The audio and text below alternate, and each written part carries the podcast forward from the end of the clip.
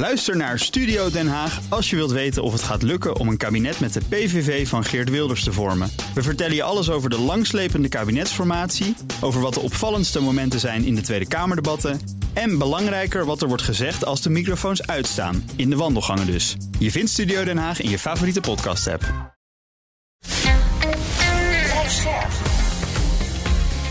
BNR Nieuwsradio. Boekenstein en de Wijk. Hugo Reitsma. Welkom bij Boekenstein en de Wijk. Het is dinsdag dag 370 van de oorlog in Oekraïne. Uh, Rob de Wijk is er even niet en wij hebben Patrick Bolder voor hem de gast net als gisteren. En een vraag van luisteraar Robert Michel. Die zegt in de kranten lees ik de aanschaf van veel nieuw materieel door de Oost-Europese landen en met name Polen, lijkt me terecht. Echter, nergens lees ik over Nederland of, of Duitsland, wat die nou gaan kopen. Is het risico niet dat we straks achteraan de rij aansluiten? Is dit een bewuste keuze? Uh, kleven hier niet enorme risico's aan? Vraagt hij zich af. Mm ja, dat is een hele goede vraag. Um, we, we, hebben wel degelijk plannen in Nederland na de uitbreken van de oorlog is hier ook het besef wel uh, gerezen dat we op bepaalde capaciteit tekort komen. Dat is ook niet zo raar, want we hebben natuurlijk 30 jaar lang bezuinigd. Alle Europese landen eigenlijk. Het vredesdividend werd, uh, werd ingewonnen. Uh, voorraden hebben we bijvoorbeeld al helemaal niet mee, want niet meer, want munitie uh, dat moet je opslaan en na een aantal jaren is het gewoon op. Dat wordt gevaarlijk als je het dan gaat gebruiken. Kijk ja, naar het ja. Mortierincident. Ja, dus ja. daar hebben we hele kleine voorraden van. Maar ook onze luchtverdediging, daar hebben we nauwelijks meer iets van. We hebben de discussie gehad over de Patriots. En we konden alleen maar twee lanceerinstallaties leveren aan de Duitse en de Amerikaanse Patriots die naar Oekraïne gaan. Uh, en lange afstandsmunitie. Uh, voor de artillerie, uh, die hebben we ook helemaal niet meer. We hadden vroeger de M270, een soort dubbele HIMARS is dat, maar dan op rupsbanden. Ja. Um, en die gaan we weer kopen. dat is wel mooi. We hebben één exemplaar, staat er nog in het Militair Museum, buiten in Soesterberg. Valt hij erop te lappen? Nou, dat denk ik niet. Uh, nee, die staat al zo lang stil. Nee, bovendien moet je de, de, de software en alles zo vernieuwen en alle schermpjes en dat ja. soort dingen. Dus er zijn wel degelijk plannen. En, en alle landen hebben plannen. En we hebben natuurlijk ook de Zeitenwende van Scholz gehoord. 100 miljard extra. -hmm. Daar is niet zoveel van terechtgekomen. En ook in Nederland zal het heel lastig zijn om geld weer te gaan wegzetten. We zijn alleen maar gewend geraakt aan bezuinigen, bezuinigen, bezuinigen. Hoe kunnen we besparen? En nu moeten we in één keer geld gaan uitgeven. Maar in die besparing hebben we ook allerlei contractmanagers en expertise over hoe ga je concurrentie stellen, ja. hoe ga je aankopen. Hebben ook allemaal de deur uitgedaan. Dus voordat we weer op het niveau zijn om echt geld te kunnen uitgeven, dat duurt wel even. En waaraan wil je het dan uitgeven, is de tweede vraag. We moeten eigenlijk een nieuwe defensienota hebben. Wat zijn dan de taken uh, waar defensie dan echt sterk in moet zijn? En ik zou zeggen, met al die Europese landen, die, die worstelen natuurlijk nu met dat probleem. En kun je niet afstemmen, jullie gaan eerst dit doen, wij gaan eerst uh, luchtverdediging doen en lange afstandsmunitie. En jullie gaan nu jachtvliegtuigen doen en jullie gaan tankervliegtuigen doen. Zodat je in ieder geval niet allemaal tegelijkertijd die markt op gaat. Want ja, die wapenhandelaren die wrijven zich al in de handen. Die oh ja. zien al die klanten komen op hetzelfde moment. Dus dan gaan die ja. prijzen weer omhoog. Ja. Betalen we veel te veel geld voor spullen die toch al duur zijn. Dus ja, daar is er wel een heel groot probleem. Binnen Europa hebben we nog het Defensie, Europees Defensieagentschap. Um, die kan daar misschien ook wel wat in betekenen. Mm -hmm. uh, kijk, Amerika gaat toch wel zijn gang en die wil graag dat wij meer geld uitgeven. En vooral in Amerikaanse spullen. Mm -hmm. um, maar het is natuurlijk ook wel belangrijk voor onze eigen economie dat we het ook in Europa uitgeven. Maar ja, dan heb je weer een ander probleem. Dat uh, er maar een beperkt aantal fabrikanten zijn in Europa die echt hele goede spullen maken. En dan ook nog eens een keer um, willen ze allemaal dat Frankrijk bijvoorbeeld uh, de vliegtuigen bouwt. Uh, die waren al boos op Duitsland toen die de F-35 gingen kopen. Om de nucleaire taak die met de tornado gedaan werd te kunnen uitvoeren. Mm. En ze vonden dat allemaal dat zo miragevliegtuigen moesten zijn. Ja, ja. En er speelt ook nog een ander probleem, wat ik altijd heel fascinerend vind.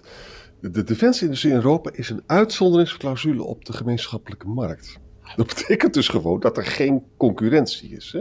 Nationaal, wat je dus ziet, is, dat merkte ik ook als Kamerlid, dat de nationale defensieindustrie komt bij je op schoot zitten. Die wil allemaal dingen verkopen. Nee. En die wil zoveel mogelijk dus de, de concurrentie uitschakelen. Hè? Nou, dat, dat leidt er dus toe dat, uh, dat daar krijg je niet de meest fitte industrie van als er niet zo veel concurrentie is. Hm. Als je een vergelijking maakt met de auto-industrie, dus een is echt volkomen mededinging zo ongeveer. Hè? Dat is echt een enorme concurrentie, tot op het laatste dubbeltje bij wijze van spreken. Dus wat, waar ik mij dan dus over verbaas, is dat als de Duitsers zeggen, nou we gaan 100 miljard extra besteden, dan zou je toch denken dat de munitie-industrie denkt van, nou we gaan maar even flink uh, wat munitie maken, want het geld komt wel. Hè? Nou, zelfs dat lukt niet snel. Hè? En dan moeten de, moet de defensie-industrie helemaal naar Brussel gehaald worden en gezegd van, jongens, uh, kom op, uh, jullie moeten nu gaan investeren. En volgens mij heeft dat ook dus te maken met het feit dat die industrie, die is gewoon gewend uh, ja. dat, ze, dat ze bediend worden. Huh? Dat, dat klopt, maar natuurlijk ook de afgelopen jaren zijn de grote institutionele investeerders uh, afgeschrokken om te gaan investeren in wapenindustrie, oh. in defensieindustrie. Ja. Waardoor ja. die ook niet hebben kunnen blijven innoveren, want dat kost geld en daar heb je investeringen voor nodig. Dus die lopen ook helemaal achter. Dat zijn oude productielijnen. Ja. Uh, en waar jij het over hebt, ja, de Europese aanbestedingsregels, die kan je inderdaad uitzetten. Artikel 346 is dat. En daarmee, maar dat wordt vaak ook gebruikt inderdaad als protectionisme. Frankrijk gaat de markt op voor vliegtuigen. En wij zeggen van, af, en Frankrijk zegt dan van, ja, hier is artikel 346 op van toepassing. Dus ik hoef niet Europees te gaan aanbesteden, maar ik kan allemaal in mijn eigen land uh, besteden. Ja, ja, dat is niet echt uh, uh, bevorderlijk voor de internationale samenwerking op dit gebied natuurlijk. En ook niet voor het onderlinge vertrouwen tussen de Europese lidstaten. Hm. Ja. Dus ja, dat is allemaal wel, wel heel ingewikkeld. Uh, maar vooral, ja, waar ga je dan in investeren? Die visie moet er wel komen. Willen we, mm-hmm. willen we tanks, of willen we vliegtuigen, of willen we artillerie, of willen we meer drones, of willen we meer cyber kunnen, of willen we meer ruimtemiddelen? Uh, uh, en ja. hoe werkt het dan allemaal samen? Hoe bouwen we een coherente krijgsmacht op, ook samen met de andere landen? Ja, dat zijn vraagtekens die moet je wel eerst gaan beantwoorden voordat je zoveel geld gaat wegzetten. Op het punt van munitie las ik wel wat bemoedigende dingen. Dat is misschien ook een, een ding waarvan je zeker weet dat je het allemaal nodig hebt. En dat, dat is dat initiatief van Kaja Kallas, de premier van Estland, om een gezamenlijke inkoop naar model van de coronavaccin inkoop te doen. Mm -hmm. En ik las dat Rijnmetaal, de grootste munitieproducent in Duitsland, enorm kon opschalen dit jaar al. Dat ze, dat ze geloof ik zelfs de grootste producent van artilleriemunitie in de wereld zouden worden. Ja, dus ja, dat, volgens mij uh, zag ik Frans Timmermans daar gisteren bij Buitenhof ook even over. Um, dat het hmm. op Europees niveau getild moet worden om te zorgen dat je die afstemming in ieder geval goed hebt. En dat niet de, de bedrijven zelf enorme winsten gaan halen over de ruggen van de, van de belastingbetalers heen. Maar dat er wel een faire prijs wordt betaald. Ja. Dat, krijg je, dat is dan weer het volgende probleem natuurlijk. Ja. Ja, ja. Zoals het ging met gas afgelopen zomer. Iedereen tegen elkaar opbieden ja. en de prijzen sky high. Ja. ja, en de coronavaccins en de beschermingsmiddelen. En, en nou ja, als Callas dat zegt, dan is daar in ieder geval van geleerd. En dat is altijd goed natuurlijk. Hey, jij zei Patrick dat die, die Zeitenwende in Duitsland die valt nogal een beetje tegen. Ik, volgens mij zag ik ook ergens staan dat ondanks dat aangekondigde pakket van 100 miljard investeringen, dat Duitsland dit jaar de 2% norm niet gaat halen en volgend jaar ook niet. Daar nee. moeten we natuurlijk wel van hebben van Duitsland als grootste Europese economie. Ja, we hadden ook wel verwacht dat dat, dat uh, zo zou gaan gebeuren. Maar ja, mevrouw Lamprecht is natuurlijk niet voor niks, uh, de vorige defensieminister van Duitsland, niet voor niks de laan uitgestuurd als het ware. En daar moet Boris Pistorius dan niet een en ander gaan doen. Maar wat ik al zei, ja, het, het, is ook niet makkelijk. Wat heb je dan per se nodig? Um, mm. en, en de capaciteit om het gewoon aan te schaffen allemaal, dat, die ontbreekt vaak ook. En het is natuurlijk een enorm bureaucratisch gebeuren ook. Kijk, ook in Nederland, iedere defensiebesteding boven de 25 miljoen, daar moet je voor naar het parlement. Daar moet je enorme uitgebreide brieven schrijven. En dat gaat dan in, in vijf stappen, het zogenaamde defensiematerieelkeuzeproces. Hm. En um, ja, iedere politieke partij die vindt er dan wel wat van. En dan moet een knopje naar links en een knopje naar rechts. En dan moet er een beetje zus en een beetje zo. En een Nederlandse eis. Gelukkig wordt dat wel minder en minder. Maar het kost ten eerste een heleboel tijd, al die, al die uh, aanpassingen. En ten tweede wordt het ook veel duurder weer, waardoor je minder spullen voor hetzelfde geld kunt krijgen. Dus ook daar moet eigenlijk een, ja, een verbeterslag in komen. Wat is de rol van het parlement? Er zitten natuurlijk geen experts in over hoe een wapensysteem optimaal werkt. Maar ze willen wel allemaal iets specifieks hebben. Ja, daar moeten we ook eens een keer vanaf, zou ik maar zeggen. Ja, ja. Nog even over die mevrouw Lamprecht, want dat is toch wel spectaculair hoor. Die mevrouw heeft er dus bijna een jaar gezeten, geloof ik. Hè? Ja. En die heeft dus geen begin gemaakt met het bedenken van welke wapens of het aanbesteden. Heeft ze gewoon niet gedaan. Nou, nee, ze heeft allemaal interessante mensen ontmoet. Ja, ja. En dat, ik vind dat toch wel ongelooflijk hoor. Dat, ja. dat, dat, is echt, en dan moet die arme Pistorius, is ook niet een man die nou zo geweldig veel daarvan af weet, maar die moet het nu dan hals over kop uh, gaan doen. Nee, maar hij, heeft natuurlijk, hij moet leiding geven aan dat departement. Hij heeft daar hele goede mensen onder zitten. Maar in Duitsland is het nog bureaucratischer dan in Nederland. Uh, maar, maar, hij moet wel daar het vuurtje aansteken. En dat heeft mevrouw Lamprecht helemaal niet gedaan. Kijk, er zijn hele goede adviseurs ook in Duitsland hoor. Uh, dus, maar ja, je moet ze wel aan het werk zetten. Ja. Hm. Ik las ergens dat uh, Nederland gaat ook van die HIMARS kopen. Die, die wil natuurlijk ja. ook nu iedereen hebben. Maar daarbij vroeg ik me ook af, ja, is dat nou logisch voor Nederland om te doen? Want dan moet je nog een heel eind rijden richting het front. Wil je daarmee iets kunnen uitrichten? Daar staat Polen straks met weet ik veel hoeveel duizend tanks die ze nu allemaal in Korea bestellen. Is het dan niet logischer voor Nederland om meer lange afstandsdingen aan te kopen? Meer F-35's of zo? Ik noem maar wat. Ja. Wat is logisch voor Nederland om te doen om bij te dragen? Ja, als luchtmacht zeg ik natuurlijk meer dan 35. dat, dat, is logisch. Nee, maar, maar zo'n HIMARS systeem, ja, ook de Polen gaan een heleboel bestellen. Maar het ligt er ook aan, hoe ziet straks de nieuwe veiligheidsordening eruit? Hoe gaan wij nou met een nieuw ijzer gordijn misschien wel, met een nieuwe Oost-West uh, koude oorlog. Um, hoe gaan wij onze veiligheid inrichten van het Europese continent? Gaan we weer terug naar hoe we dat deden, met allemaal vakken waarvoor landen verantwoordelijk waren? Dus dat je en de tanks moet hebben, en de artillerie, en de lange afstandsartillerie, en noem maar op. Ik denk dat daar de NAVO zich ook eens over moet uitspreken binnenkort. En dat moet dan leidend zijn ook voor de defensieplannen en hoe je de capaciteiten gaat inrichten. Maar laten we vooral landen dat doen waar ze heel goed in zijn. Als de Polen inderdaad nu duizend tanks hebben besteld. Ja, moet je afvragen of die andere landen ook nog allemaal heel veel tanks moeten. Of dat je dan een aanvullende capaciteit, bijvoorbeeld die artillerie die in de diepte kunt optreden. Om te zorgen dat die eerste golf door de tanks kan worden opgevangen. En de tweede aanvalsgolf er niet meer bestaat, omdat je die hebt uitgeschakeld in de diepte. En dat doe je met lange afstand artillerie, maar ook met vliegtuigen die een hoog penetrerend vermogen hebben in het vijandelijk luchtruim. En de F-35 is daar eentje van. Ik hoor een pleidooi voor taakspecialisatie.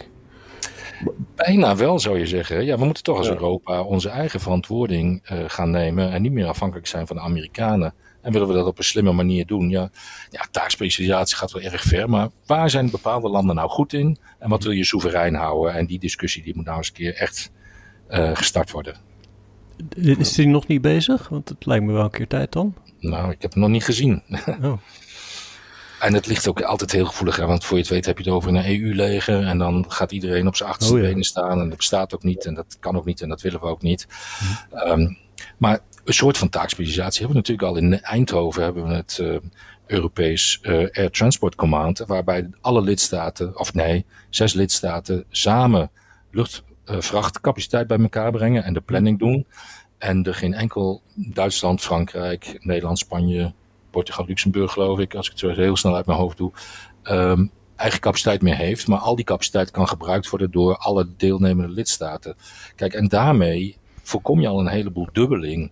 Uh, en ben je gewoon veel beter bezig met, met schaarse middelen op de juiste manier inzetten. Dat je geen lege vliegtuig, niet drie lege vliegtuigen of drie vliegtuigen met 30% lading naast elkaar laat vliegen naar bijna hetzelfde gebied. Maar één vol vliegtuig um, met één lading die wat veel minder geld kost gewoon. En waardoor de lidstaten ook met minder middelen meer capaciteit op de mat kunnen leggen. Het European Air Transport Command is daar een heel mooi voorbeeld van hoe je dat zou kunnen inrichten.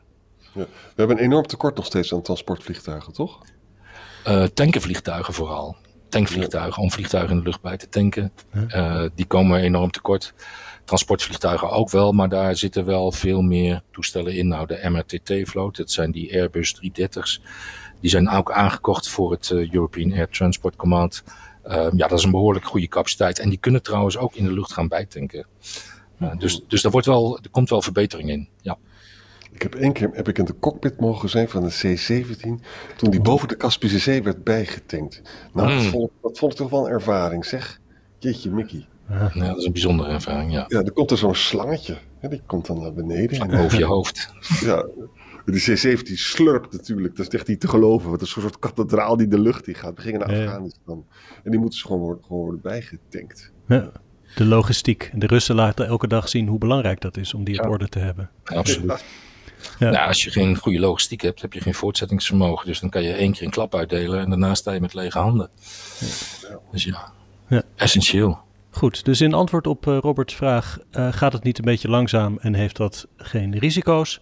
Uh, jawel. Ja. ja en ja. nou, helder. Helder antwoord voor Robert. Waarvoor dank. Graag gedaan. Ook Diana Matroos vind je in de BNR-app. Ja, inderdaad. Je kunt live naar mij luisteren tijdens de Big Five. Ook handig in de BNR-app. Breaking nieuwsmeldingen, maar ook het allerlaatste zakelijke nieuws. En je vindt in de app alle BNR-podcasts, waaronder Wetenschap Vandaag. Download nu de gratis BNR-app en blijf scherp.